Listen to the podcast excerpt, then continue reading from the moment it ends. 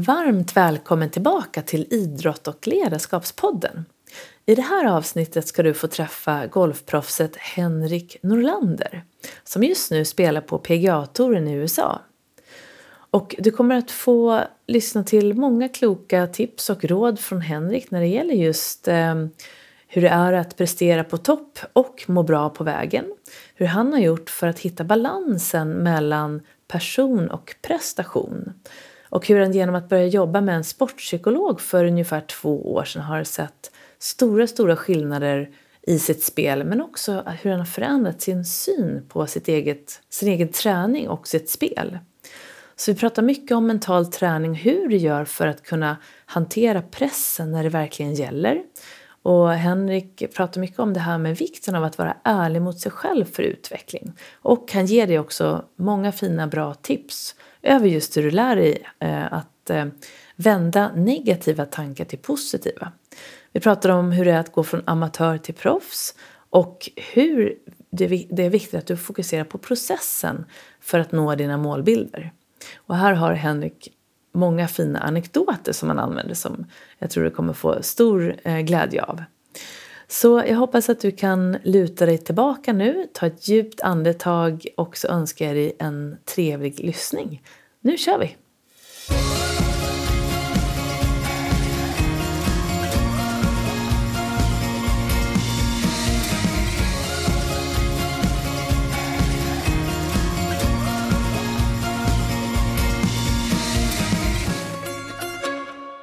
Då är du varmt välkommen tillbaka till Idrott och ledarskapspodden och det är dags för avsnitt 52. Och idag är jag mycket glad att få presentera min nästa gäst, nämligen Henrik Norlander. Och eh, Henrik då är född i Danderyd i Sverige och är idag en professionell golfspelare som spelar på PGA-touren i USA. Henrik har spelat på college i USA också och då på Augusta State University i Augusta, Georgia. Och där hjälpte han bland annat sitt lag till en vinst i NCAA två gånger, 2010 och 2011. Och efter då eh, examen 2011 så blev han proffs. Och Henrik har spelat på det som kallas på, för The Challenge Tour eh, 2011 och fick sedan då sitt PGA-kort för första gången 2013. Och sen har han spelat på det som då kallades för Web.com Tour 2014-2015 och vann sin första professionella turnering 2015 och det hette Hotel Fitness Championship. Och sen då efter att han eh, avslutade trea i det som då som sagt kallades för Web.com eh, så fick 2015 så fick han återigen en plats på PGA-touren 2016. Och nu så hade han en chans då att eh, inför The Web.com Comtour Finals eh, behålla kortet men blev avbruten av The Hurricane Matthew. Eh, och då var han bara 788 dollar eh, kort ifrån att klara eh, det och tappade därför kortet. Men nu har han i alla fall kortet igen och eh, efter en spännande seger på The Corn Ferry Tour eh, så var det hans första vinst då sedan 2015. Och nu har då säsongen på PGA-touren inletts kanske lite varierat men nu senast har han kommit igång igen och det ska bli mycket kul att följa Henriks resa framöver.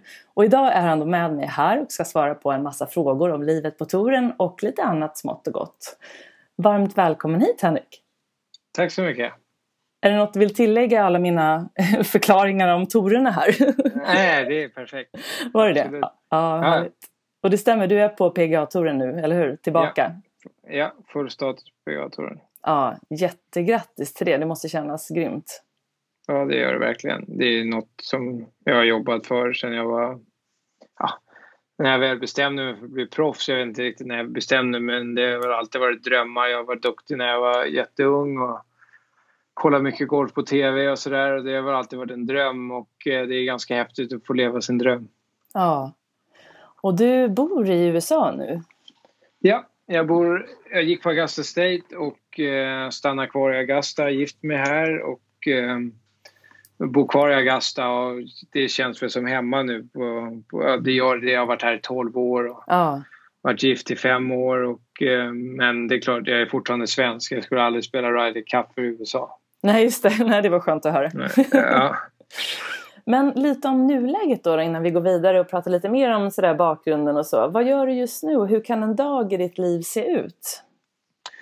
Ja, jag spelade då, vi avslutade Corn Ferry Tour första veckan i september. Då hade vi en vecka ledigt efter jag hade spelat ungefär 24 tävlingar på, ja, från jan, januari med nästan inga tävlingar i februari. Sen mars, jag spelade 20 tävlingar mars, eh, mitten på mars till sista september och sen mm. hade jag en vecka ledigt. Sen direkt på det då eftersom de har den här wraparound season på PGA-touren så 2020-säsongen började i september. Så jag spelade fem tävlingar i rad och jag blev jag spelade lite för mycket så ja, känner inte riktigt, kom inte riktigt av till en bra start heller och för mig är det eh, näst, det, näst, det tar mer energi för mig att missa en, missa en katt och spela bara torsdag, fredag än att spela bra och spela alla fyra dagar. Mm. Och på, på det eh, menar med det är att när jag spelar dåligt så är det svårt att lämna golfbanan. Det spelar ingen roll om jag är på middag, sitter och äter frukost eller ligger och sover. Det är golf, golf, golf hela tiden i huvudet. Men när jag spelar bra och allt går lätt så när jag kommer till golfbanan är jag Henrik Norlander golfaren och när, när jag är klar och åker därifrån så är jag Henrik Norlander något helt annat, mm. inte golfaren. Och det, det är väl det jag försöker, det är väl det jag jobbar mest på. Eh, det är klart jag tränar mycket golf men för mig är det viktigt att hitta den balansen att kunna vara Alltså, golf är jätteviktigt för mig, det är mitt jobb men det är inte den personen jag är. Och det när jag framförallt jag spelar dåligt så tror jag, eller så blir det mycket jag får dåliga tankar av att bara för att jag spelar dåligt det betyder inte att mitt liv är dåligt och jag måste bli bättre på att separera golfen och mitt liv och eh, jag har blivit mm. oändligt mycket bättre på det men jag vill bli oändligt mycket bättre på det än vad jag är nu så det är en svår balans för mig. Ja, jag tror att du är absolut inte ensam om det där, absolut. Och jag tror att du är verkligen rätt ute att du jobbar med det. För det är nog en av nycklarna till att liksom behålla välmåendet i den här topprestationen. Att kunna ja. hitta den där egna balansen. Ja, ja, jag håller helt med. Och sen tror jag också att eh, det är lite annorlunda för en professionell... Jag spelar på jag de har shotlink och shot tracker och tv Folk kan titta på TV, kolla på internet exakt vad min drive gick på tvåan och vad jag slog sen och vilken putt jag satte, vilken putt jag missade. Mm. Det är svårt att ha en dålig dag och sen bara åka hem. Eller det borde inte vara det men om jag tänker på mina kompisar som har normala jobb. Har de en dålig dag så åker de hem och försöker ha en bättre dag nästa dag. Mm. Utan att någon annan, alla kompisar vet exakt vad som har hänt. Mm. Om du inte berättar det. För, för mig har jag en bra dag så får jag 150 sms om att hur bra allt är. Och går det dåligt så är det två, tre stycken som hör av sig. Så, um, så det, det mm. Jag vet inte, det, det är svårt. Jag har faktiskt börjat jobba med en sportpsykolog här mm. borta i USA för två år sedan och jag tycker att det har gett väldigt stora framsteg men sen det är alltid, um, det går upp och ner. Mm. Ja, men jag tror att det är jätteviktigt och alla har ju, det finns ju verkligen tekniker för hur man ska lära sig det där bättre apropå mental träning då och sportpsykologi ja. och att man lär sig själv då för det är lite olika. Det finns ju grunder eh, men också ja. sen att vi alla är olika. Men det var så intressant för att i somras så blev jag intervjuad av en journalist som hade eh, en artikel under Scandinavian Masters eller vad heter det? Scandinavian Invitation. Invitation. Ja, precis. Ja, Just det. Ja, ja. ja, för han skulle ha en artikel om Rickard Karlberg som då gick in i väggen och blev utbränd för att han tränade för mycket. Och så handlade den här artikeln mycket om just stressen. Eh, och vi pratade mycket om balansen och hur man kan uppnå den och hur viktigt det är. Och att det är lätt att vara mentalt stark när det går bra, precis som du säger. Och, men det är när det går lite sämre som vi liksom utmanas och det är därför man måste träna. För att liksom kunna verkligen ta sig igenom. För det kommer liksom inte alltid gå bra. Och det, det där märker man ju inte förrän som du då när man är där uppe, när pressen ökar. Ju mer ja. pressen ökar desto mer utmanad blir det ju i den här situationen också. Så det är inte så konstigt att man också dyker på utmaningar just på den sidan ju högre upp man kommer. Ja, ja och det... Alltså hade du frågat den här frågan för fem, fem år sedan så hade jag sagt att jag behövde bara träna mer. För om jag spelar bättre så behöver det inte vara mentalt. Alltså, och eh, ja, man blir väl äldre antar jag och förstår att det inte... Det har alltid varit min lösning till att jag inte har spelat bra har alltid varit träna mer och mer och hårdare och hårdare. Och det har eh, jag har lärt den svåra vägen att det har oftast gett sämre resultat. Eh, Eh, eh, träna bra och alltså, träna bra och väldigt målmedvetet när du tränar men sen våga ta ledigt. Och jag, det är fortfarande svårt för mig. Som vi pratade om att jag har spelat fem veckor i rad här, kom hem och var ledig förra veckan, skulle ta tre dagar ledigt. Och när jag säger det till mig själv, tre dagar, det låter väldigt mycket. Mm. Uh, alltså, mm, och då, har jag då har jag spelat nio tävlingar på tio veckor. Alltså jag har inte varit hemma, jag har varit hemma i sex dagar på tio veckor. Och uh, ja, i alla fall så jag ska Måndag, tisdag tar jag egentligen ingenting. Jag var på gymmet lite grann och eh, förra veckan och sen eh, onsdag eh, så har jag fått lite bollar skickade från min sponsor som jag ska bara ta in innanför ytterdörren och böjer mig ner. Jag har, jag har aldrig riktigt haft några problem med kroppen som jag har haft tur med men böjer mig ner och ska ta upp de här bollarna. Det är bara fyra dussin så det är inget tungt paket. Och jag känner att det är något som nästan poppar i ryggen, kommer knappt upp igen. Åker och träffar lite folk eh, eller träffar eh, min tränare som är duktig, alltså stretchar och sådär. Så han får ordning lite bättre på ryggen. Så då har onsdagen gått och på torsdagen gör det fortfarande ont så jag säger ah, jag tar torsdag ledigt igen. Och då blir jag lite stressad och jag måste träna sådär. Mm. Eh, och sen eh, fredagen tränar igen med min tränare på gymmet och känns hur bra som helst. Så jag bäddar när jag kommer hem från gymmet och tar upp en kudde och då är exakt samma ställe. Eh, samma ställe, samma pop. Så då kan jag inte träna fredag, lördag känns... Det här kändes värre än på onsdagen så tors, lördagen var helt inget bra alls. Kändes bättre på söndag men då blev jag tillsagd från i princip alla jag känner att du får inte träna nu för det kommer göra ont igen. Så jag tog söndagen ledig igen och så nu har jag tränat måndag, tisdag, onsdag, idag är det torsdag. Eh, och all, eh, jag har inte känt mig så här kul att träna, eh, spela hur bra som helst helt plötsligt. Eh, liksom ut, alltså, jag måste lära mig att kunna ta led utan att jag ska göra illa ryggen. Så på, på det sättet var det förmodligen det bästa som kunde hända mig att min rygg gick, eh, gick sönder, eller gick sönder, det är inget långvarigt men att hade det inte hänt så hade jag stått där på torsdag morgon och tränat i åtta timmar och då hade jag blivit utbränd förr eller senare. Så ja, jag lärde mig väldigt mycket av att göra illa ryggen och det är ganska intressant att en sån grej måste hända för att jag ska liksom förstå att hur viktig vila är. Mm. Och, men just att, att, kroppen verkligen säger ifrån till slut och vilken himla tur att det var en lättare skada och att du kunde liksom ändå få den här starka visdomen utav det. Ja, ja men måste, ibland så är det sådana dumma grejer som måste hända ja. för man ska lära sig att gå vidare. Ja. Eh, och, ja. Jag, jag tycker jag hör det där. Jag var nere på eh, Europatouren på, i Portugal och spelade Pro-Amen. Där tror jag att det var två år sedan nu. Och då fick man spela nio hål med ett proffs och nio hål med nästa. Då spelade jag bland annat med nio hål med Simon Kahn, tror jag han heter, från England. Och han, han, jag brukar ju fråga mycket om mental träning eftersom jag jobbar mycket med det. Och då frågade jag honom så här, vad han hade för nycklar och sådär. Och då berättade han att han hade haft ett medical exempt eh, året innan för att han hade haft ont i knät. Och det han sa att han hade lärt sig aldrig, han hade aldrig egentligen vunnit någon tävling innan dess, inte på eh, Europatouren. Så han hade, liksom, han hade gjort precis som du, han, man tränar hårt och man tränar mycket och allt det där. Så fick han den här skadan så han fick vara borta i ett år. Då. Och det, det som hände då var att han fick träna, han kunde inte träna så mycket utan han fick liksom på grund av skadan bara minska ner på träningen men att träna mer med kvalitet. Så han ja. ändrade liksom sitt upplägg kring träningen under det här året och kommer tillbaka och vinner sin första tävling. Så han sa att det, han var också där liksom att, att träna med kvalitet. Och hans uppfattning då var också det att han uppfattar att vi fortfarande tränar för mycket eh, när det gäller teknik. Eh, och ja. kanske lite för lite då på, jag tror att alla är jätteduktiga på fys också, att man börjar bli intresserad och träna mental träning. Men att man kan faktiskt lika gärna ibland sitta hemma på soffan och träna mental träning och det kan ge kanske till och med mer än att ta den där extra timmen på ranchen. ja, jag tror, jag tror att vad fysträning var i början på 90-talet för golfare är ungefär vad mental träning är.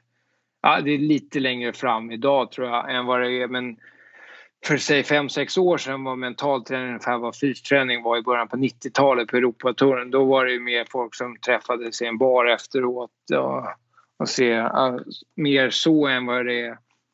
Jag tror att om tio år så tror jag inte det kommer vara en enda golfare som inte har en mental tränare eller någon som de har kunnat prata mentala grejer med på PGA-touren eller Europatouren. Eller på, på högsta nivån på allting. Jag tror att det kommer jag vet inte, jag, eh, bara för mig som jag ser själv, liksom, som för fem år sedan så hade jag inte ens tänkt tanken att eh, hålla på med det. Jag måste bara träna och bli bättre. Då kommer jag aldrig vara mentalt svag. Om jag vet exakt var bollen kommer gå varenda gång så kommer jag aldrig vara mentalt svag. Det var i princip vad jag trodde på.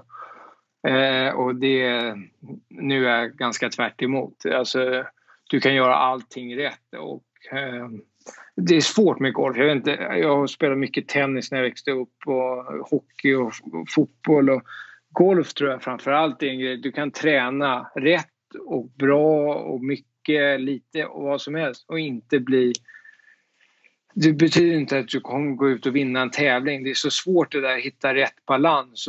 för att jag gör en grej rätt så betyder det kan vara helt fel för en helt annan spelare. Och det är det som är svårt med golf. Du måste verkligen ta som jag känner att du måste våga vara din egna ledare. Alltså våga tro på din väg. Och sen måste du självklart vara ärlig mot dig Blir du inte bättre och resultaten kommer inte, då måste du hitta en annan väg. Men jag tror att det är extremt viktigt att våga tro på det du gör. Jag kommer ihåg mitt första år som rookie på PA-touren. Jag stod och kollade på alla de här spelarna som jag kollat på TV på sedan jag var tio år gammal som fortfarande är där ute ja, de gör det här och de gör det här, kanske jag ska göra det här. Men det går inte att göra så. Det finns, det finns ingen röd tråd för att bli bra på golf tror jag. Du måste hitta din egna väg och det är därför jag tror jag älskar golf. Och hatar golf på samma mm. gång. det är ganska intressant. Ja. Det, det är verkligen en upp och ner, vad ska man säga, att det går upp och ner i, apropå psyket. ja, ja, verkligen. Ja. Men där, där är det just det här när du börjar träna mentalt träning som du säkert har börjat märka nu när du har gått hos den här sportpsykologen. Att, att det går, när du börjar kunna separera prestationer från din person. Att det faktiskt går liksom att okej, okay, det var en förjävlig dag idag och liksom så blir man irriterad, förbannad ett tag men sen kan man släppa taget och liksom det påverkar inte dig som person utan att du kan verkligen lära dig den där, eh, du är en fantastisk människa precis som du är. Och ibland spelar du golf och då är det så men det är inte du liksom som person som du sa i början. Och det där kan man ju träna upp liksom precis på samma sätt som tekniken. Du tränar på självbilden och liksom kunna verkligen jobba med de där bitarna också. Och det är väl det som är, man kanske har 54 i handikapp i den mentala styrkan för att vi inte vet exakt hur man ska träna kanske. Medan handikappet liksom på scorekortet eller på handikappkortet är liksom plus handikapp. Så att eh, det gäller att både fysen och liksom tekniken eller mentala hänger med där så att man ligger på samma nivå. Det är då det börjar hända grejer. I, Absolut. I, eller hur? I, också i välmåendet. Ja, nej men jag tror att eh, för mig är det viktigt, alltså det är viktigt, jag tror det är viktigt för alla som håller på med, eller oavsett vad du jobbar med. Det kan inte vara 24 timmar om dagen det du håller på med. Du måste kunna ta ett break. Alltså det, det är en anledning till att du har semester. Um, och det är väl lite det jag har haft lite problem med också. Jag tycker golf är sjukt roligt och jag tycker det är kul att spela med kompisar och sådär. Så uh, det har nästan blivit en hobby för mig också och mitt jobb. Så när jag har en ledig dag och så ringer lite kompisar och frågar om jag spelar golf, ja men det är väl roligt. Nej, egentligen, det sista jag borde göra är att spela golf. Eh, och då blir det också väldigt dålig separation på vad som är liksom nu har jag tur, min fru spelar inte golf och så fort någon frågar, ja, ska inte du börja spela golf? Och då säger jag absolut, innan hon hinner svara, absolut inte. Eh, men hon fattar, hon reser med mig och sådär så det blir jättekul och hon fattar golf. Men det hade inte varit något bra om jag missar någon katt och kommer hem någon extra helg och hon vill gå ut och spela massa golf när jag behöver ta ledigt. Liksom. Så på det sättet är det ganska bra att få separation på det. Um, men det är svårt det där också. Sen kan du vända på det. Min hobby är golf och det är mitt jobb och jag kan livnära mig på det. Så det, det är svårt att säga. Det är dåligt att jag tycker golf är världens roligaste eh, sak att göra. Men ja, det är så svårt det där att separera på de där mm. två grejerna. Nej, men det handlar ju precis just det som du säger, som du var inne på från början, att just kunna återhämta sig. Det behöver alla göra, även om man har hittat sitt drömjobb eller brinner för det. Man ska helst glöda för sin idrott eller för sin, sitt jobb. Liksom, om man brinner för mycket, det är då det kan liksom falla över till den där utbrändhetssidan. Men, så att vara tacksam för att man har hittat det, men att också förstå att återhämtning behöver vi alla. Det är bara som vi fungerar helt enkelt i, i hjärnan och i kroppen. Och om man inte lyssnar då till slut så kommer kroppen helt stänga av och då tar det ännu längre tid att komma tillbaka. Ja. Men, men du, vi ska, kommer ju komma in lite mer på det här hur du tränar och med mental träning ihop med det här med teknik och fys. Men jag tänkte lite om din bakgrund, för du nämnde ju lite om att du spelade tennis och så har jag läst någonstans att du har en drömforsam att det skulle vara Federer, Sampras och sen Johnny Cash. Är det fortfarande din drömforsen eller? Jag vet inte riktigt, men jag älskar tennis. Jag vet inte, Johnny Cash. Min pappa lyssnar mycket på det. Jag gillar Sen jag när den filmen kom ut, uh, Walk the line. Jag tycker bara, han gjorde en ganska häftig story också som ja, men blev in i fängelse för droger och um, alla gillar väl en comeback liksom. Och han tog ju verkligen vara och reste runt till olika fängelser i USA. Han kom till och med till Österåkersanstalten tror jag i Stockholm och spelade gratis konserter för att de ja, han tyckte att de var lika värda, att de ska få lite ja, roligt också. Så jag vet inte. Eh, eh, ja, men eh, tennis för mig är en grej som... Eh, ja, jag älskar tennis och jag försöker spela en del men jag är så... Jag har lite för mycket, jag är lite för mycket tävlingsmänniska så varenda gång jag spelar tennis så blir det 120 procent och jag har ont någonstans. Så, så jag måste lära mig att kunna spela tennis till 80 procent. Jag spelar inte så mycket tennis längre tyvärr för, på grund av den anledningen. Eh, men det är väl förmodligen att jag är som jag är, att jag har blivit bra på golf. Eh, hatar att förlora. Eh, och jag själv tror jag att det är viktigare att hata att förlora än att, vill, eh, än att älska och vinna. Jag tror att det är mer, du får mer drivkraft från att hata och förlora än att älska och vinna. För vinna framförallt när det kommer till golf, vinna, det handlar mer om att vinna mot sig själv än att vinna golftävlingar. För du, alltså Tiger Woods hade några år när han vann ungefär 22 procent av sina tävlingar. Det är ganska, ganska lågt Och tänker alltså vin, vinna procent. Om du kollar i tennis, då kan, är du nummer ett i världen då vinner du ungefär 90 procent av dina matcher. Men är du nummer ett i världen i golf då vinner du, ja, inte, nu vinner du kanske max 15 till 18, ja, det är sjukt, men säg 10 procent. Var tionde tävling vinner du om du är nummer ett i världen. Det är därför jag säger att jag tror hata att förlora. Komma, komma femma i en tävling kan bli en vinst för mig. Och det handlar ja, om att vinna mot sig själv. Liksom.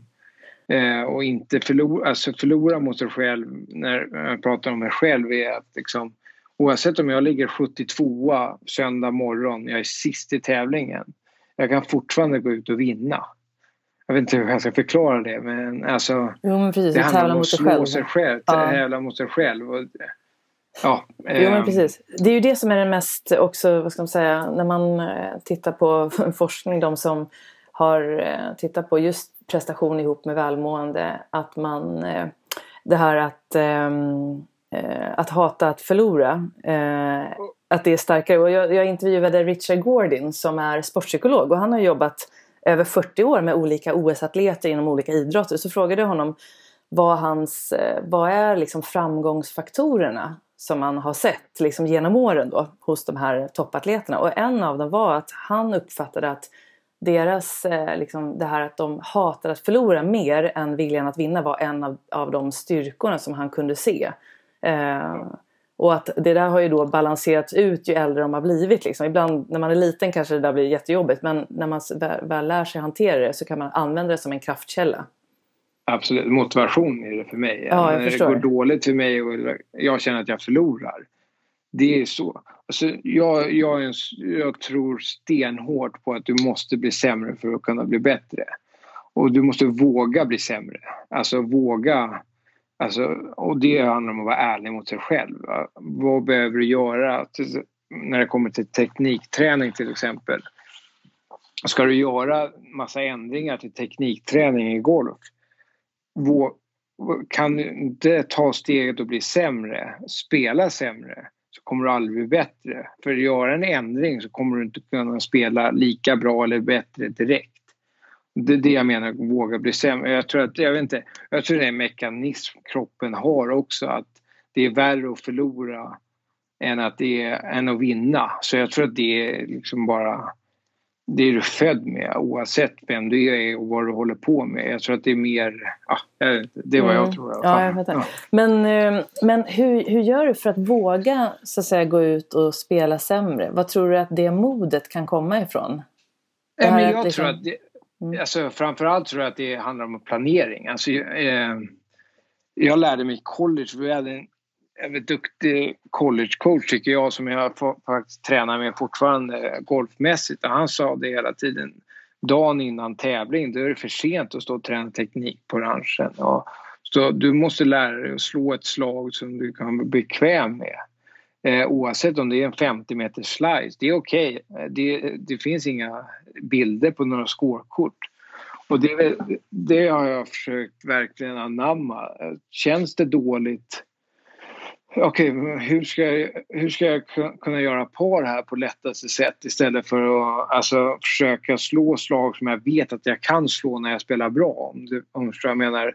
Och, jag, och det här förstod jag väldigt väl när jag, eh, jag tappade kortet 2013 och hade fem månader ledigt, fyra och en halv månad ledigt innan webb.com skulle börja nästa år och vi slutade någon gång i mitten på september och skulle inte börja februari, förrän februari. Och just då så hade vår ny coach, men eh, coachen på Augusta State hade fått ett annat jobb, inte den coachen jag hade, men vi när jag slutade 2011 flyttade coachen också.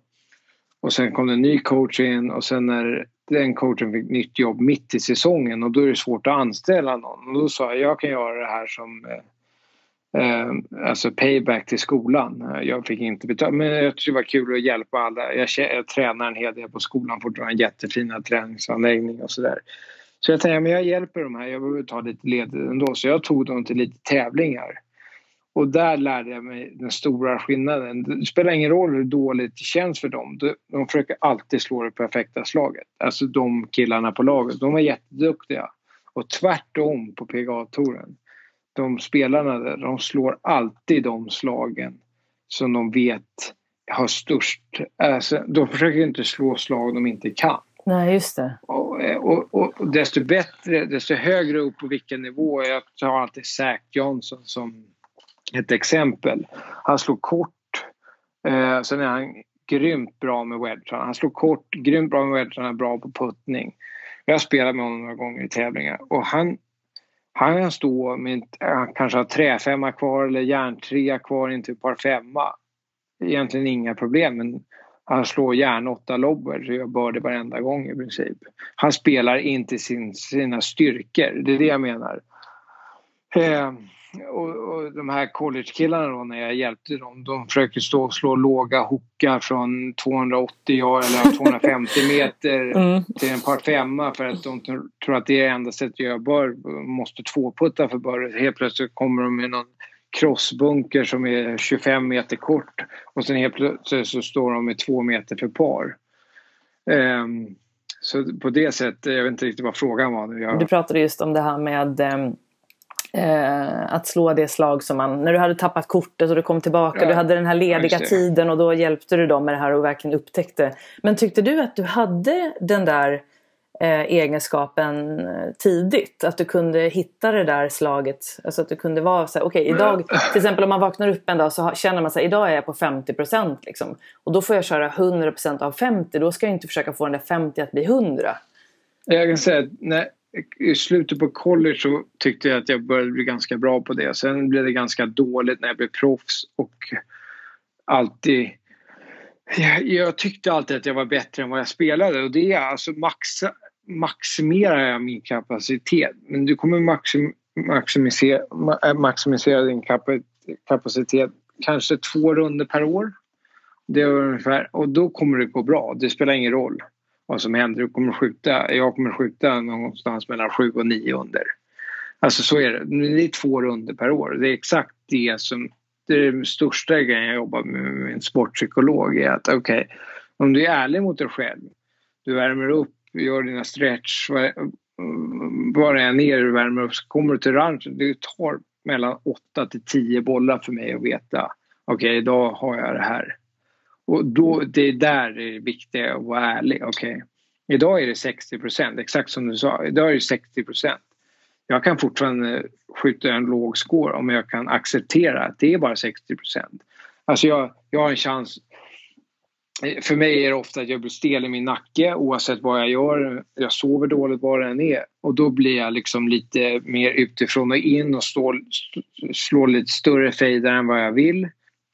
Men kan jag acceptera det då? Ta en extra klubba. Stå pinnen lång vänster. Okej, okay, det är okej okay att slå en järnsjua till. 12 meter och två puttar för par. Det kommer vara tillräckligt mycket flaggor på högersidan.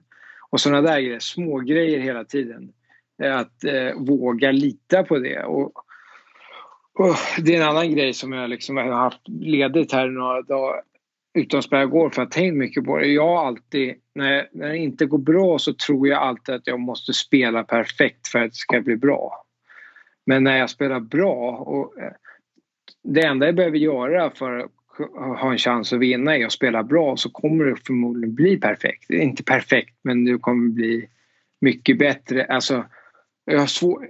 De vänder sig för mig. När det går bra så förstå att allt kommer inte vara helt kanon. Jag kommer slå dåliga slag, du kommer slå dåliga slag men du kan fortfarande skjuta lågt. När jag väl spelar, när jag spelar dåligt så får jag nästan känslan att slår jag inte perfekta slag så kommer jag inte kunna skjuta under par eller på par. Och det är så roligt hur de där flippar fram och tillbaks. Och det är samma där, jag måste bli bättre på att förstå när det är dåligt framför allt. Eller när det, du kommer ha dippar i, under året, under veckorna, under en tävling. Du kommer inte spela, eller jag kommer inte spela 72 perfekta hål. Det är ingen som har gjort. Du kan vara bogeyfri men du, du kommer behöva sätta några 3 och 4 meter för par. Och, du kommer behöva ta en dropp för att slå en dålig drive och göra up and down med järnsjua från 160 meter eller vad det än är. Men det behöver inte vara perfekt för att det ska bli bra. Och det måste jag lära mig och förstå att det kommer... Det finns inga bilder på skåkortet som jag sa. Nej. Hur, hur, tränar du? Jag tänker på eh, det vi pratar om nu är ju tankar som kommer och går på det man egentligen kanske inte vill tänka på och så vill man acceptera det som är. Men Eh, du vet mindfulness och att vara medvetet närvarande. För om sinnet och kroppen är på samma plats hela tiden under en hel runda då har du ju flow. Och då kommer du kunna... Hur, hur tränar du för att liksom ta tillbaka fokus? Märker du när du alltså, tappar och kan ta tillbaka det? Ja, det gör jag absolut. Det, det hoppar fram och tillbaks mellan framtid och eh, vad som har hänt. Och det blir svårt att vara, okej okay, vad händer just nu?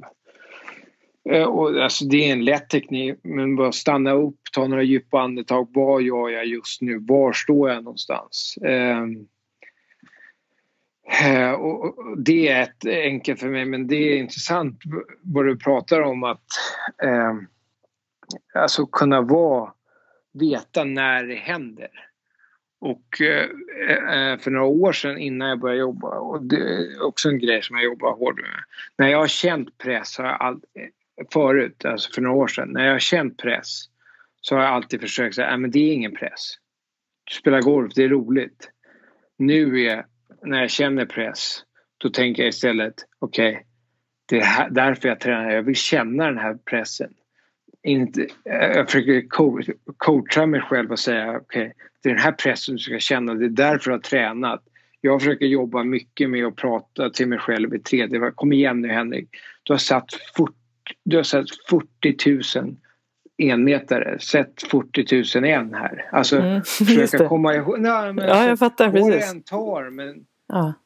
Eh, för ett och ett halvt år sedan jag spelade i Boise i den här Web Finance. Jag hade precis missat ta kortet i regular season och sen var jag i Boise. Jag hade mm, och eh, låg tvåa efter två varv. Jag hade haft en bra tävling. Om jag eh, ha en helt okej okay helg. Och då hade jag tagit kortet för förra året på PGA-touren. Och jag kände mig riktigt risig på lördag morgon. Alltså press. Jag bara kände att eh, det var jobbigt för mig att börja värma upp. Och jag sa till mig själv hela tiden, nej men det är ingen press, det är ingen press. värsta fall så är det på webb.com nästa det står det är ingen press. Eh, vem som helst eh, eh, Förr eller senare kom jag upp på Egeltorget. Jag försökte liksom nonchalera att pressen var där. Och det funkar. Och hade en ganska dålig helg.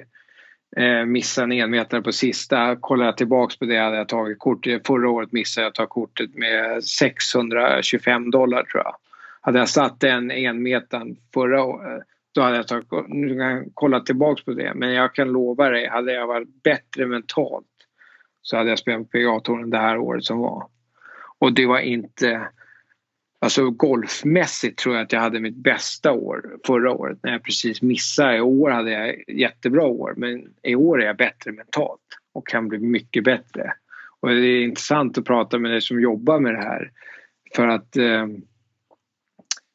och det är intressant att vara med på den här showen också för att desto mer jag pratar om det här så kommer jag tro på det mer och, och det är väldigt viktigt för mig att gå vidare och alltså, jag missade de här första fyra katterna. Jag klarade precis katten i Houston och hade en helt okej okay helg. och blev 45 och kom hem och tyckte är jag tillräckligt bra på det här? Är jag tillräckligt bra på golf? Är, vad behöver jag göra?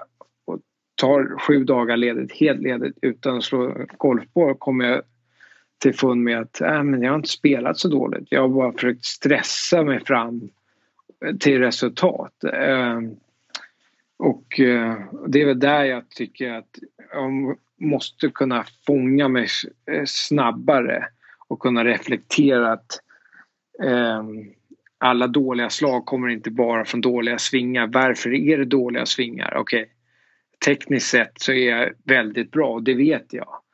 Men eh, eh, ibland försöker jag som jag sa blocka att okej, okay, jag är inte dåligt mentalt men jag tror att många av mina dåliga tävlingar kommer från inte från att dåliga svingar, dåliga puttningar och min puttning kan, det är väl det min min puttning är min svaghet men jag kan känna när jag är mentalt dålig blir min puttning dålig. När jag är mentalt stark så är min puttning inte till den är tillräckligt bra för att vinna på vilken nivå som helst. Ja, men just det här att puttningen, det är där den syns mest. Jag tror att jag jag har läst någonstans när man har tittat på forskning att 90% av eh, puttningen handlar om att när du har tekniken liksom på plats att det är, resten 90% är självförtroende och attityd.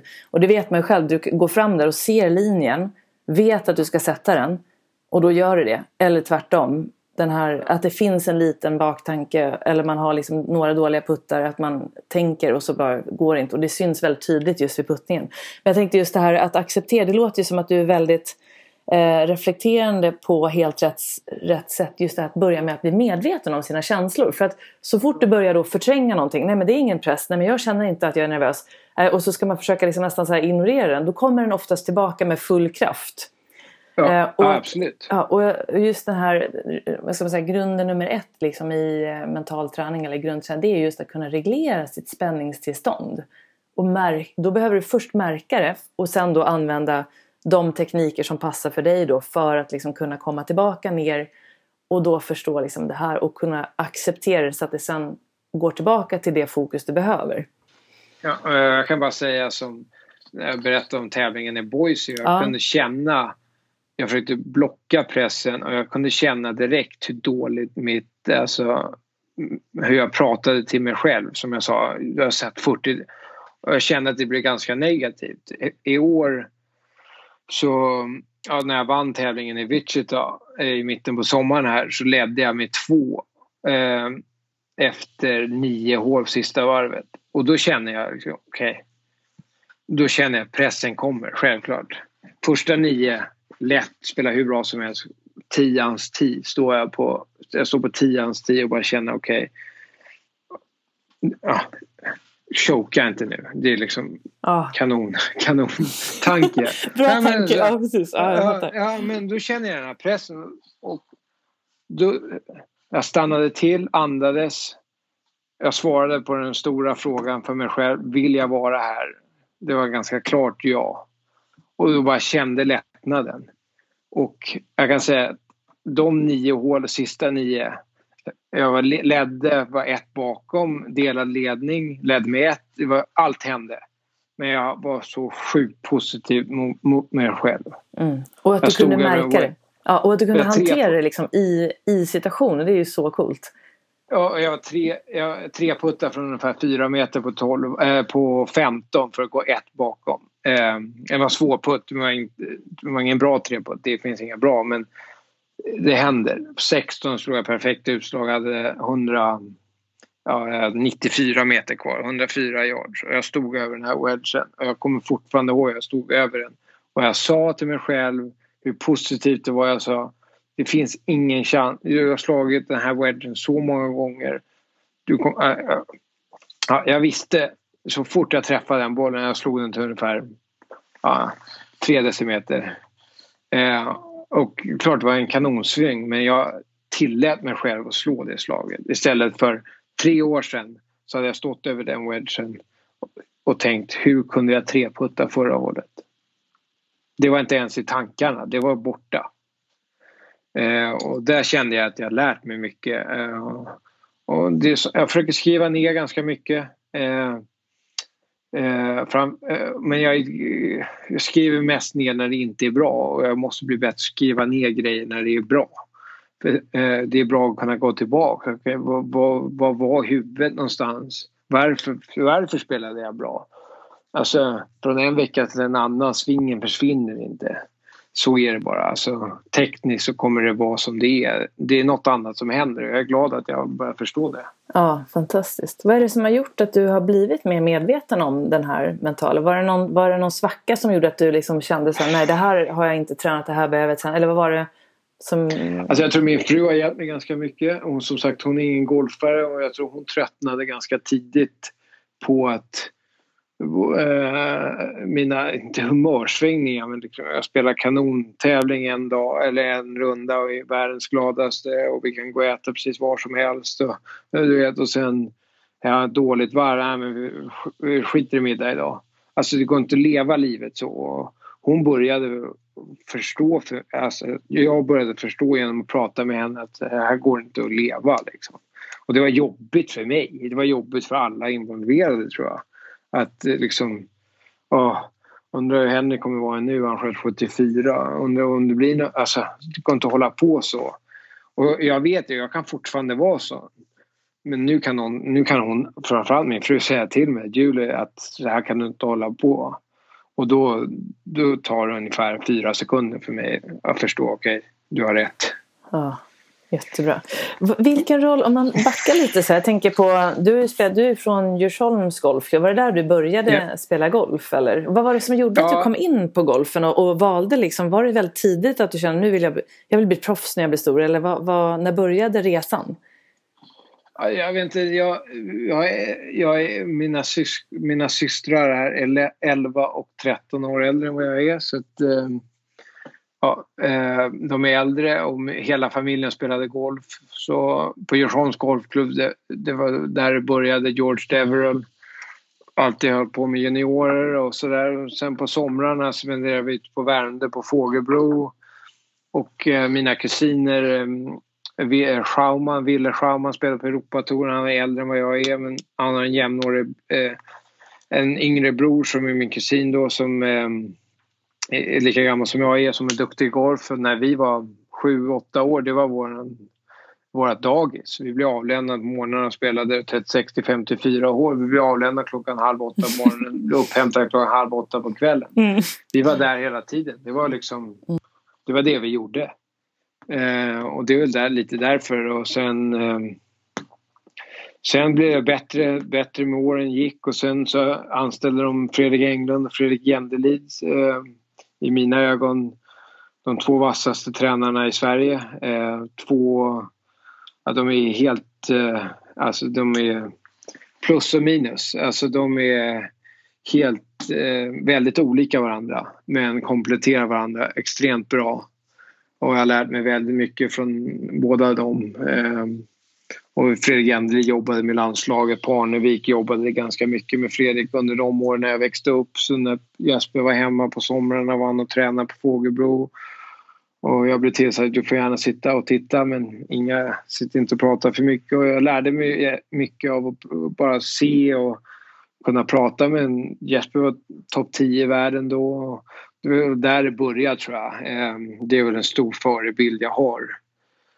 Eh, eh, eh, alltså inom golfen. Han, eh, ja, jag var lyckligt lottad att jag kunde få se hans karriär som, på nära håll på somrarna när jag var hemma. Mm. Och, och, vad var det som, när du sen blev äldre då så blev det college och vissa väljer ju college och kör den resan och vissa kör inte den. Vad var det som gjorde att du just valde college? Jag tror att jag hade hört mycket gott om det men framförallt från Wille Schauman då som är min kusin som spelade collegegolf i Minnesota som är förmodligen värre väder än vad det är i Sverige. Men han älskade det och de vann faktiskt collegemästerskap och sen genom Ville och jag var duktig när jag var 15, 16, 16 så jag fick spela mycket med Ville när han var hemma på somrarna från college. Med, med Alex Norén, Kalle Edberg och alla de hade gått på college så det var ganska, jag vet inte, det känns ganska eh, naturligt för mig att gå på college och sen när jag, när jag var klar med, med högstad eller med gymnasiet så hade jag blivit proffs hade inte jag hållit på med golf längre. Jag var inte tillräckligt bra för att kunna tjäna pengar på golf. Mm. Eh, och det var ganska bra att jag förstod det. Eh, jag hade faktiskt två led, lediga år. Jag gick på Stockholms universitet ett halvår. Mm. Mellan gymnasiet och college. Så hade jag kommit hit som 18-åring till college så hade det inte gått så bra heller. Mm. Jag, hade, jag växte upp i Danderyd och hade ganska lätt, eh, jag kan inte säga bortskämd men eh, jag hade inte riktigt eh, förstått vad, vad, hur saker och ting gick till. Så jag kom till college när jag var ganska mycket äldre än de flesta. Jag var 20 när jag började. Mm. mm. Och det var helt bra för mig och jag lärde alltså, jag har lärt mig mycket college. Jag har blivit mycket bättre på golf i college. Men flytta från Stockholm till Augusta, Georgia är en ganska stor skillnad. Och helt plötsligt så jag var tvungen att så planlägga vad jag skulle göra. Jag hade skola, jag hade golfträning och sen helt plötsligt hade jag inga rena kläder. Mm. Eh, när det är små saker som ja, jag, jag är sjukt tacksam att jag har fått göra. Mm. Eh, jag tror jag växt och liksom, jag har växt upp och blivit, alltså Ja, jag mm. bara av att flytta till en helt annan kontinent mm. och ta hand om sig själv och mm. inte riktigt ha ett skyddsnät mm. tror jag har varit det bästa som någonsin har hänt mig. Ja, jätteviktig erfarenhet. Jag tänker sen också när man blir proffs så gå också från ja. liksom college, det här som ändå blir rätt tryggt sen när man har det här laget och man har ändå träningen och sen blir man proffs. Då har du en, hade du ändå fått den här erfarenheten av att vad ska man säga, hoppa ut från boet liksom och sen göra det en gång till. Märkte du att det var Absolut. stor skillnad där när du liksom kom från college ut i proffslivet? Att det också var en sån där slags avstamp?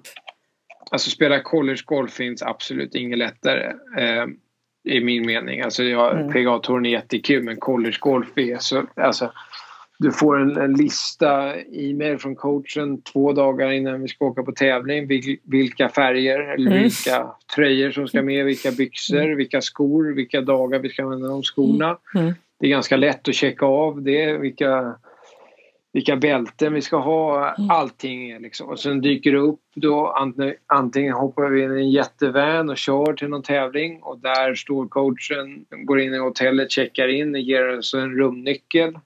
Okay, träffas du alltid liksom. Ja. Du behöver inte tänka, du behöver bara dyka upp och sen mm. helt plötsligt blir du proffs. Mm. Så du flyga till tävling och boka det och sen hyrbil och sen eh, eh vilket hotell ska vi bo på? Vad, inspelsvarv. Det blir helt annorlunda. Mm. Eh, college golf är det absolut lättaste och roligaste som finns. Ja. I min mening. Ja. Jag håller med. men, ja, ja. Nej, men precis. Nej, men just att det, det är så viktigt att, att också kanske Eh, men hur, hur gjorde du där när du blev, gick liksom då från amatör på college till proffs? Hade du någon tränare som var med dig och stöttade eller hur gick den övergången till, till att du sen klarade av det så pass bra? Ja, men det är en intressant fråga för jag kommer ihåg, jag, jag trodde eller ville komma hem till Europa eller till Sverige direkt efter college och genom min agent eh, så kunde jag få åtta starter garanterat på Challenge då. Mm. Och jag kommer ihåg att jag kommer till Skottland någonstans, inte någon känd bana, någon inlandsbana. Eh, flyget, jag kommer inte riktigt ihåg, vi flög till Inverness eller något sånt. Eh, nej, ja, någon liten flygplats i alla fall. jag och två andra spelare, vi ska hyra bil och du vet de har inte så stora hyrbilar. Vi får liksom ja, in i den här bilen, väskor överallt. Alltså, det kändes helt plötsligt väldigt ensamt. Alltså mm. jämfört med college. Liksom, jag hade ingen coach där, det kändes inte så bra. Jag visste inte riktigt vad jag skulle vända mig. Men du vänjer dig sånt också. Och sen nu, nu har jag eh, nu har jag en massa tränare. Eh, Just det. Kanske. Nu har jag en mental tränare, jag har en svingtränare här. Jag har Fredrik Englund kvar i Sverige. Mm. Som är mer av en coach, en kille som jag älskar att prata med som kan hjälpa mig mycket mentalt. Och han har sett mig spela golf sedan jag var åtta år. Jag har precis samma... Alltså när det blir dåligt så är det exakt samma grejer med min teknik som jag var tio år som det är nu när jag är 32. Ah. Så det är ganska intressant. Så Fredrik är med, sen har jag Josh Gregory då som min gamla collegecoach som eh, har sadlat om ganska mycket och reser i princip med touren och har sex, sju spelare på PGA-touren. Så honom träffar jag varenda vecka mm. eh, på tävlingar. Så han är väl den som är så, han är inte riktigt någon teknik, han är också någon sorts coach som är duktig på allt men och sen ja och det är skönt att ha någon där och kunna vända sig till och han är ju också en kompis och mm. det är skönt att bara kunna ha någon som kan liksom ge en andra liksom säga okej okay, nu är det bra. Just det. Eh, gå hem, ta det lugnt. Ja. Gå ut och spela imorgon. Ja. Eh, så ja, men det Sen kan det bli för mycket också för mig att jag har för mycket olika eh, åsikter och sådär och då, det är där jag måste vara stark och liksom du måste ha ett bra team omkring dig men du måste vara den som driver det här teamet och du kan inte lyssna på allt. Du måste vara duktig på assa och dissa. Liksom. Mm, alltså för ta, ta de grejerna du tror på. Du kan inte lyssna på allting. Eh, för du måste lyssna på din egna kropp och sen förstå vad, eh, mm. ja, förstå vad du ska göra. Och äntligen har jag förstått. Eh, så jag har haft en fystränare, samma fystränare i Agas som jag träffat tre gånger i veckan. Och äntligen nu så har jag, fått, eh, har jag förstått hur viktigt det är. Jag tränar fys av en anledning. Det är två anledningar till att vara hälsosam och bättre på golf. Mm. Och nu de senaste två åren äntligen har min svingtränare och min fystränare börjat prata. Eh, vilket är ganska tragiskt som jag tror ganska är ganska vanligt. Men ah. jag tränar fys för att bli bättre på golf. Jag tränar inte fys för att jag ska ligga på någon beach. Mm. Jag tränar golf, fys för att bli bättre på golf. Och då är det mm. ganska viktigt att min svingtränare vet vad vi gör. Och vissa grejer jag kanske inte kan göra med min sving på grund av att jag är för stel någonstans. Så det har blivit mycket bättre att det är någon sak som jag jobbar på mycket att mitt team omkring mig ska kunna känna sig bekväm. Min caddy ska kunna känna sig bekväm och ringa min svingtränare, ringa Fredrik eller ringa min mentala tränare eller ja, så att mm. inte jag hela tiden behöver vara bron mellan hela. Jag vill att mitt team ska vara ett de kommer inte vara ett team förrän alla de känner varandra och är bekväma och kunna jobba med varandra utan att jag ska vara mitt emellan. Nej precis, att det finns en öppenhet och ärlighet eftersom allt är en helhet. Och det är så spännande. Jag skrev ju en bok här förra året som är en bok om helhetsträning för golfare. För när jag, jag hade ett litet uppehåll som tränare när jag jobbade på en resebyrå och då när jag kom tillbaka då så kände jag så här, att jag trodde då liksom att ah, men gud, nu måste jag då kanske gå om typ utbildning i teknik. Det har säkert hänt massor nu så här, du vet, som jag har missat trodde jag. Så jag mm. kom tillbaka och började då träna mina elever igen och så började jag märka liksom, men gud, det är fortfarande det här med grunderna i tekniken. Nu, I början jobbade jag mycket med amatörer då. Grunderna i tekniken och sen eftersom jag är fystränare så, så har jag alltid haft den här blicken med fysen också. Då, och då upptäckte jag, men gud, de tränar fortfarande väldigt separat. Det är liksom tekniken här. Och sen så kanske någon håller på med fys där. Och sen mentalt tränade de in, inte någon nästan. Och, och sen när jag började jobba med, med bättre spelare så kunde jag se det även där. Och det här gäller inte bara golf, det är även inom andra idrotter. Och just det där när jag, när jag satt mig och började skriva om det. Hur, hur, alltså hur man ser när man ser det här ur det här helikopterperspektivet som du då verkar ha gjort att det går inte att träna de här delarna separat för att din kropp är på ett visst sätt och det går kanske inte att träna all teknik eller du kanske måste utveckla den här delen i fysen för att svingen ska bli ännu starkare och så vidare. Och sen till slut då det här mentala också för att våga använda allt det här du sen har byggt upp så att det verkligen blommar ut på banan. Ja, men jag, jag håller helt med. Men jag jämför lite som en pilot för ett eh, flygbolag. Mm. Han kommer få ett schema, lite som jag får ett schema med mina tävlingar som jag ska spela. Eh, och det är därför du har ett team, tror jag. Att du ska få hjälp och få, inte behöva göra allting. Du, du kommer behöva göra all träning helt själv såklart. Men eh, alltså boka resor och se till att allt ah, funkar och sådär. Men en pilot som jobbar för SAS till exempel, han kommer dyka upp de ska flyga klockan tio över tio. Då kommer han dyka upp halv tio, sätta sig i cockpiten och flyga. Han kommer inte gå ut och se att däcken är välpumpade. Se till att alla mår bra på rad 22. eh, Just det. Nej, men ja, läsken, ja. läsken är kall. Han kommer dit och gör sitt jobb. Och det är lite så jag försöker se det. Jag, jag ska dit och, och prestera så gott jag, gott jag kan. Och då är, det, då är det viktigt för mig att ha ett team. Jag har en person som tar hand om alla mina resor. Ser till att alla hotell är bokade. Mm. För ska jag sätta mig och göra det då tappar jag tid någon annanstans. Mm. Där jag kan jobba mentalt eller jag kan bli bättre, träna puttning eller vad som helst. Och där är jag också måste jag bli bättre. Jag har lite kontrollproblem ibland. Jag vill ta, jag vill ta Alltså ta hand om allting och det funkar inte. Jag har inte tillräckligt med tid på det om jag ska bli bättre på golf. Just det. Så, och det har också blivit bättre men det tror jag kommer lite med åldern och sådär också. Ja. Eh, att förstå att jag kan inte ha kontroll på allting. Nej, Nej men exakt och våga släppa taget och lit, tillit eh, ja. till det. Det är verkligen. Um, men um, jag tänker på när du, uh, vi har, jag har några här, frågor från lyssnarna som vi kommer in på nu. Några har du redan svarat på. Men just där om du har något konkret exempel nu när du har den här liksom, erfarenheten och man märker ju när du pratar att du har börjat bli mycket mer medveten om helheten och den här mentala delen och du pratar om dina förmågan att liksom komma ihåg och andas och tänka rätt och sådär. Men har du något specifikt, säg nu att du kommer ut och liksom verkligen de som lyssnar känner ju igen sig här. Även om alla inte spelar på touren utan de spelar som vanligt så känner man ju igen sig. Man blir nervös. Det kan vara för att stå på första tio, folk tittar. Har du något tips vad man kan göra om du känner liksom att den här press, pressen kommer liksom och så ja, får du typ en blackout? och ja. press är, jag tror att du måste bara våga tycka att det är kul. Mm, eh, folk har nervositet och press och associerar det till något dåligt. Um, alltså det, det, det, är därför jag tränar. Alltså för att jag vill känna den pressen. Um, och det är lätt att säga för mig så här, vi sitter och pratar i telefon uh, och gör, uh, men mm. jag tror att det är bara vänd på det. Uh, bevisa för dig själv, okej, okay, jag är grymt bra på det här.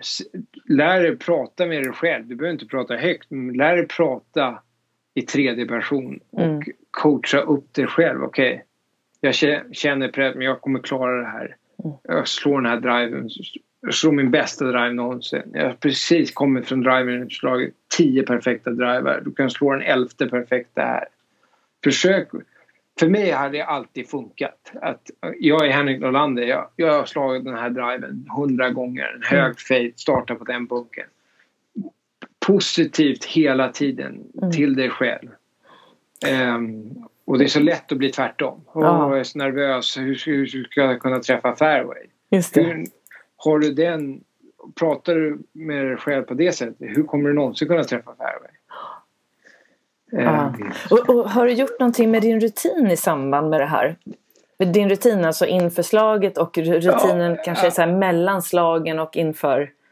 Absolut, alltså, min rutin är viktigt för mig att ta min tid och bestämma vilket slag och hur långt jag har. Men när väl beslutet är taget så vill jag vara i princip så snabb som möjligt. Just det. Eh, eh, när, när, ta din tid, det kan få ta hur lång tid som helst. Men eh, eh när jag väl har tagit det beslutet så är det upp till bollen och slå. Just det. Men jag har sagt det här till ganska mycket. När jag spelar som bäst golf är när jag spelar golf som tennis. Och när jag, vad jag menar med det är om jag spelar tennis och någon slår en crossfåran till min fåran. då kommer jag springa ut till den forehanden och antingen slå den upp med linjen eller tillbaks cross. Och den, det beslutet tas, ja, inte ens en sekund tar det beslutet att ta. När jag spelar golf, kommer upp till min boll, jag har slagit den i fairway, kommer upp till min boll. Innan jag ens har tagit ett, ett, ett um, avstånd, ingenting, så ser jag ett slag. Just det. 99 procent av de gångerna, det slaget jag ser direkt är det, om jag slår det slaget så kommer det ofta bli bra. Mm. Försöker jag slå ett annat slag så blir det ofta inte bra. För jag har svårt att lita på det slaget. Mm. Brukar du visualisera innan du eh, spelar? Alltså jobba med mental träning Absolut. i den formen? men det är det, jag, det är det jag menar. Just det. Så fort jag kommer upp till en boll så ser ett slag. Ja. Och, och då kan jag visualisera det slaget. Exakt. Och, och, och det är därför jag säger, jag säger till min caddy hela tiden. Prata aldrig skruv med mig. Det enda Nej. jag vill veta är avståndet och hur långt du tror att du spelar. Mm. För jag kan komma upp, jag kan vara bak eh, vänsterflagga. Jag kan komma upp till, till bollen, ah, jag ser en hög fade här. Det kanske inte är rätt slag men det är det slaget jag ser. Och så kommer vi upp och så får vi avstånd eller tar avstånd och så är vi mellan järnsex och järnsju och så säger han, ah, men jag, du borde hocka in en sjua här. Mm. Men jag har ju sett en hög lös... Fade liksom. Ja. En hög lös fade. Därför jag vill, han, jag vill att han aldrig ska prata skruv med Nej. mig. Vad Sen bra. kan jag säga okej. Okay, ja. ja. jag ser en låg drå här. Ja men det gillar jag också. Jag har i princip sagt till det vi jobbar med, min caddy och jag, är att du ska i princip hålla med mig hela tiden. Mm. Tills du känner att jag håller på att köra över en klippa. Alltså in i, alltså, alltså över, du att köra över dig själv liksom? Ja precis. Mm. Jag måste ta mina beslut. Och sen om du känner att det här beslutet du har tagit nu, du kommer dö för det här beslutet. Då kan absolut komma in och säga till okej, okay, det här är inte rätt beslut. Tänk, okej, okay, lång är inget bra här. Mm. Järnsjö, alltså. Mm, jag fattar. Upp, ja. Så det är samma där att vara led. Jag måste vara den som bestämmer vilket slag jag ska slå. För jag, är den som måste lita på slag. Ja. Det är många, jag tänker ibland på Vandre Velde, du vet. Man undrar vad hans caddy ja. pratade med honom. Vad, han, vad de hade för liksom, kommunikation där under 18 ja. hålet på kanossen när han gjorde den här vad, har du hört någonting om det? Det, för det är jag lite nyfiken på. De hade en show om det på mm. Golf här borta. Så jag har kollat på det ganska mycket. Ja. Det enda dåliga, riktigt dåliga, alltså han slog driver från tid, det kan jag förstå. Det är svårt utslag vilken klubb han än slår. Alltså han har otur träffar läktaren. Ja. Okay. Och sen det enda riktigt dåliga beslutet han tog var att ta av sig skorna och gå ner i bäcken. Han skulle ju bara tagit en dropp från början.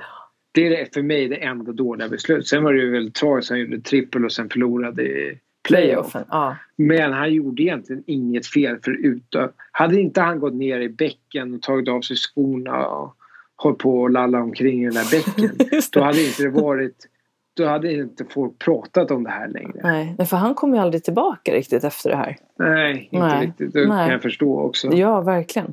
Ja, det har ju blivit verkligen en skräll. Jag kommer ihåg att jag var där på Canusti och så ser man så foton i korridorerna på hotellet. Ja. och, ja, men det är sorgligt ja, för Paul Laurie också ja. som har varit en kanongolfare. Det är ingen som kommer ihåg att han har vunnit. Nej, exakt. Nej, nej.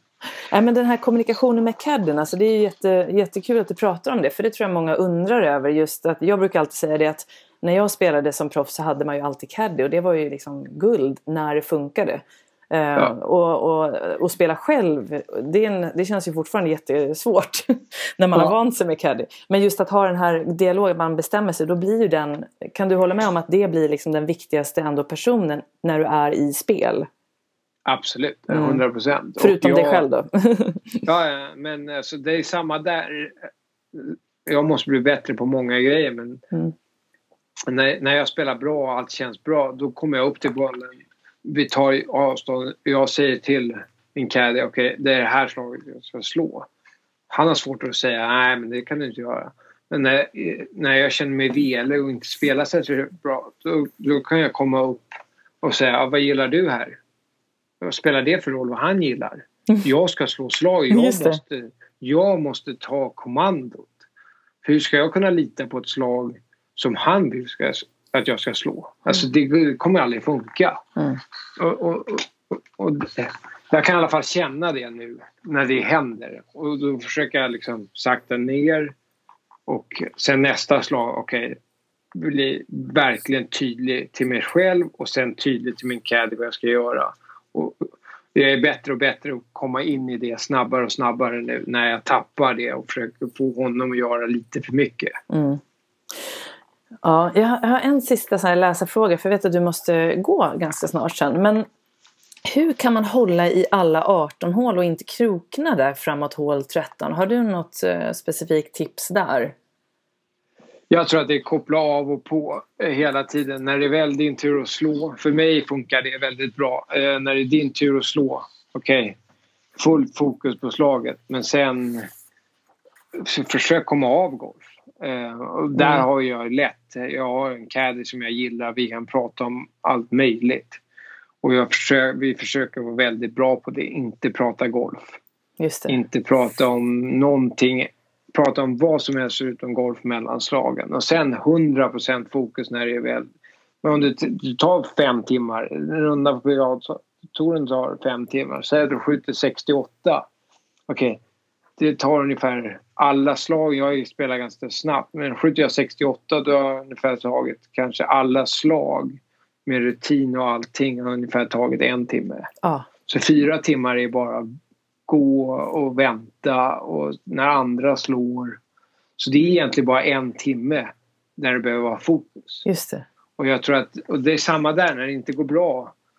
Jag slår en dålig drive och sen när jag ska gå de här 280 meterna till min drive så går jag och tänker hur ska jag slå nästa slag nu då? Mm. Då är jag sjukt trött efter mm. ett varv. Mm. Så det, men det, det, det, det är det största tipset. Mm. Um, ja, fokusera bara på golf när det är din tur att slå. Ja. Och sen när du har slagit så försök koppla bort golf. Och det är svårt. Alltså jag sitter inte säga att det Jag kommer aldrig säga till någon att det är lätt.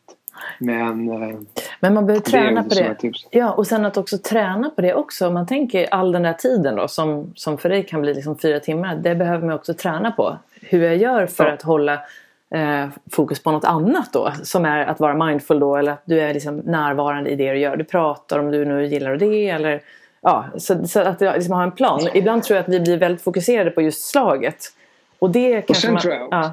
så amatörer som proffs men alltså fokusera på processen. Kontrollera det du kan kontrollera. Det tror jag är extremt viktigt. Mm. Jag blir så, jag tror amatörer börjar oroa sig mycket om eh, så slutprodukten. Vad kommer mitt resultat vara? Och det kan du inte kontrollera. Och jag pratade faktiskt med min mentala kille om det här eh, eh, häromdagen. Och jag, min största hobby är att laga mat. Jag älskar att laga mat och jag tycker det är hur roligt som helst. Eh, eh, och eh, ehm, jag älskar att laga mat i alla fall. Och, men när jag lagar mat så tänker jag aldrig på om det kommer vara bra eller dåligt när det väl är klart. Alltså jag älskar processen, gå till affären eller göra en plan. Vad ska, vad ska jag laga för något? Och jag åker och handlar det. Sen kanske starta grillen, kanske öppna en öl, dricka ett glas vin. Och sen när, när väl maten är klar så bryr jag mig inte mycket om det var gott eller inte. Och, och det, det, där vill jag vara med min golf. Kan jag kontrollera min process så vad det än händer i slutet spelar inte så stor roll. Okej, okay, kan jag inte få de resultaten jag vill, kan jag inte livnära mig på det, då måste jag förmodligen sätta en helt annan plan. Men kan jag lita på den processen och göra det jag kan kontrollera så kommer det på slutändan vara bra. Det är därför jag tror vi borde, eh, om du pratar om mål och sådär mina mål är okej.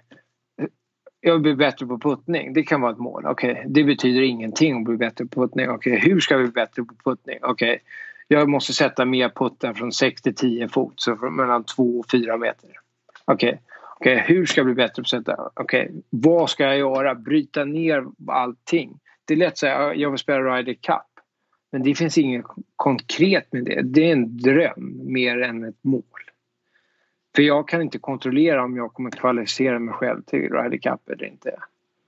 Men okej, okay. så kan du börja. Okej, okay, jag vill spela Ryder Cup nästa år. Okej, okay, okay, hur ska jag ta mig in? Jag behöver vara topp 8 på den här listan. Okej, hur ska jag vara topp 8? Okej, jag måste bli bättre på det här, det här, det här. Helt plötsligt är det saker du kan jobba för att bli bättre på. Eh, och, eh, där, det tror jag är extremt viktigt. För mig är det i alla fall det. För skicka, ja, jag vill vinna en tävling, En mål, jag vill vinna en tävling på Privattouren. Jag kan gå ut nästa tävling och spela skjuta 59 fyra dagar i rad. Men det kan vara någon kille som skjuter 59 tre dagar, tre dagar i rad och sen skjuter 58. Har jag förlorat då? Alltså jag kan inte kontrollera om jag kommer vinna eller inte. Det är därför jag tror sätta processmål, grejer du kan konkret jobba på och bli bättre på. Vet du, när, jag, när jag hör dig prata så tänker jag så här, gud, i min roll som mental tränare och coach då, apropå den expertisen men också av erfarenhet så låter du som en så här, mönsterelev. Ja. att du har börjat, nej men, och jag menar inte att det är liksom perfekt men att du har, du låter så otroligt klok och jag eh, har verkligen eh, jättemycket inspiration som, som både jag och, och lyssnarna får av det du säger. För det låter så klokt och sen att du har sådana fina insikter. Och eh, eh, du är helt rätt ute om man tittar på framgångsfaktorer hos de som verkligen har nått toppen och som mår bra på vägen så är ju det här du pratar om några av nycklarna som man har sett genom alla tider. Det finns liksom ja. gemensamma nämnare och eh, det verkar verkligen som att du har eh, börjat hitta ja. dem. Mm. Ja, men alltså, när, jag, när jag tror på de här grejerna och när jag gör de här grejerna vi har pratat om idag då mår jag bra oavsett om jag skjuter 62 eller 82. Ja, exakt. och då kan jag förstå, som vi började prata om, att då kan jag förstå att jag är fortfarande Henrik Norlander mm. eh, när jag går av golfbanan oavsett om det är 62 eller 82. Och det är där jag känner jag kommer nå min kapacitet när jag kan 100% leva mitt liv på det sättet. Mm. Och det är ganska roligt och det betyder inte att jag behöver slå 300 järn mer om dagen eller chippa i fyra timmar mer eller stå och träna puttning. Jag verkligen tror på att jag kan bli bättre. Självklart måste jag ta hand om min golfträning. Mm. Men jag, jag har nått en nivå där träna mer och mer hårdare och hårdare kommer inte belöna mig. Mm. Jag måste hitta min väg mentalt och, och eh, fysiskt på hur jag ska bli bättre och det är, ganska, det är det som är roligt med det här. Ja. Med, med sport. Jag tror det är med sport, näringsliv, vad som helst.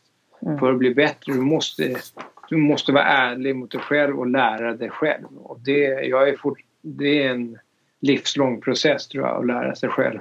Ja exakt.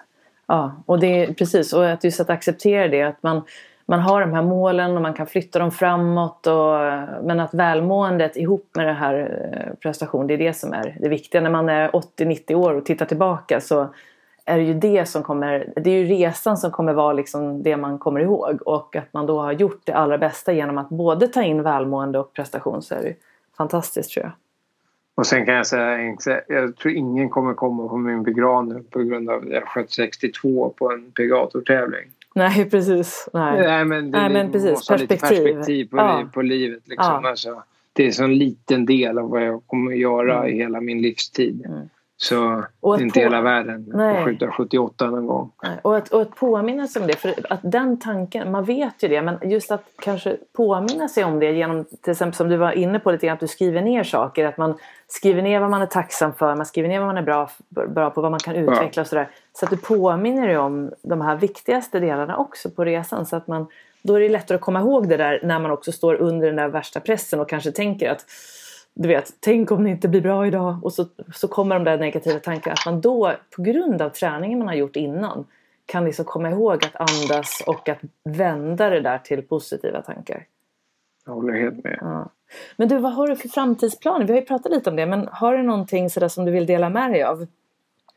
Ja, jag tävling nästa vecka i Bermuda. Mm. Um, ah, en uh, ganska mindre PGA-tävling men kul. Och sen en vecka ledigt. Och sen har jag de två sista tävlingarna. Mexiko och Sea Island. Och sen har jag sju veckor ledigt. Och jag ser väldigt mycket fram emot att inte behöva resa. Det har varit ganska mycket i år. Jag har spelat 29 tävlingar redan i år. Oj, oj. Och tre Ja. till. Så det ska bli skönt att få lite ledigt. Och sen är min fru gravid så det ska bli kul att få Jaha, barn i mars. grattis! Ja, Wow! så det är jättekul. Så det, ja, eh, det är mycket som jag ser fram emot. Ja, fantastiskt, vad roligt. Och, och vad heter det, man skulle, nu känner, vi skulle kunna prata mycket mer men jag vet att du måste gå som sagt. Men om du får, nu Ja. får avsluta här med att välja tre saker. Eh, Jag brukar avsluta med den här frågan till alla mina gäster då. Om du fick välja tre saker att säga till den som lyssnar då som kanske är någon som drömmer om att satsa på sin idrott, bli proffs eller nå en annan dröm. Vad, vad skulle du säga då? Eh, Jag skulle säga om idrott, älsk, älska det du gör, tro på vad du gör. Och sen, eh, ja, tredje sak är svårt, men jobba stenhårt. Och låt... Jag känner mycket yngre spelare här i USA som alltid har någon sorts ursäkt. Ursäkter, vinnare har inte ursäkter. Nej, just det. Så är det. Ja, bra Henrik. Shit, vad fantastiskt det var att prata med dig. Otroligt mycket klokheter och det var jät- jättekul att få liksom höra lite mer om hur du tänker och just det här om din, eh, dina kloka tankar här kring den mentala träningen men också hur du vill få ihop helheten med livet i sig. Det är sådana viktiga punkter som jag tror många kommer ha jätte, jätte mycket inspiration av. Ja, tack så mycket. Tack så mycket för att jag fick vara med. Ja, är det något du vill tillägga nu innan vi avslutar? Nej, jag tror att vi har gått igenom ganska mycket. Ja, eller hur? Är Ja. Vart kan man följa dig någonstans ifall det är någon som är nyfiken nu? Har du några sociala medier eller en hemsida? Ja, ja, eller? men jag är ganska dålig på det och jag har... eh, Jag ska börja nu eh, och eh, vara lite, Ja. vara lite bättre på Instagram. Så ja, om någon vecka eller så, så borde jag vara lite bättre på Instagram. ja, men ska jag lägga in, jag kan lägga in då ditt konto på, för det här avsnittet kommer ju då. Jag kan lägga dig Ja. i länken till avsnittet så kan man hitta dig där då. Perfekt. Ja, Tack så mycket. tack så Bra. jättemycket och stort lycka till. Jag kommer följa dig eh, med stor glädje och inspiration. Tack så mycket. Ja, ha det bra. Ha det bra. Tack, Hej. hejdå. Hej.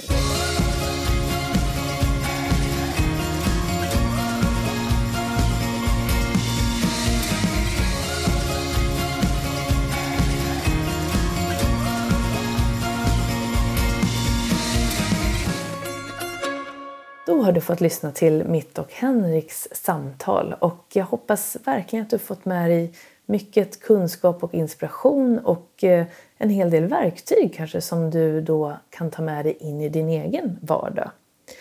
Och vill du nu eh, veta mer om Henrik så ska jag då lägga in eh, lite länkar till hans, bland annat hans Instagramkonto här i det här avsnittet så du kan följa honom. Och eh, redan i nästa vecka, vilket då blir eh, oavsett när du lyssnar på det här så är det den eh, i slutet på oktober här 2019 så kommer vi då med spänning följa Henrik i Bermuda men också i hans tävlingar framöver. Och eh, med anledning av vad jag har hört honom prata om i det här avsnittet så skulle jag faktiskt bli förvånad om han inte når precis dit han vill när det gäller både sitt, sin, sin karriär och sitt liv. Och så önskar jag då tillsammans med oss alla andra tror jag ett stort lycka till och grattis till att han snart ska bli pappa. Nu hoppas jag att du själv tar hand om dig och tänker på din återhämtning. Att du inte glömmer bort att andas och att vara i nuet så ofta du kan. Och eh, så hoppas jag att du lyssnar på fler avsnitt här på Idrott och ledarskapspodden som nu också finns på Spotify. Och och eh, så ses vi och hörs snart igen. Hej då!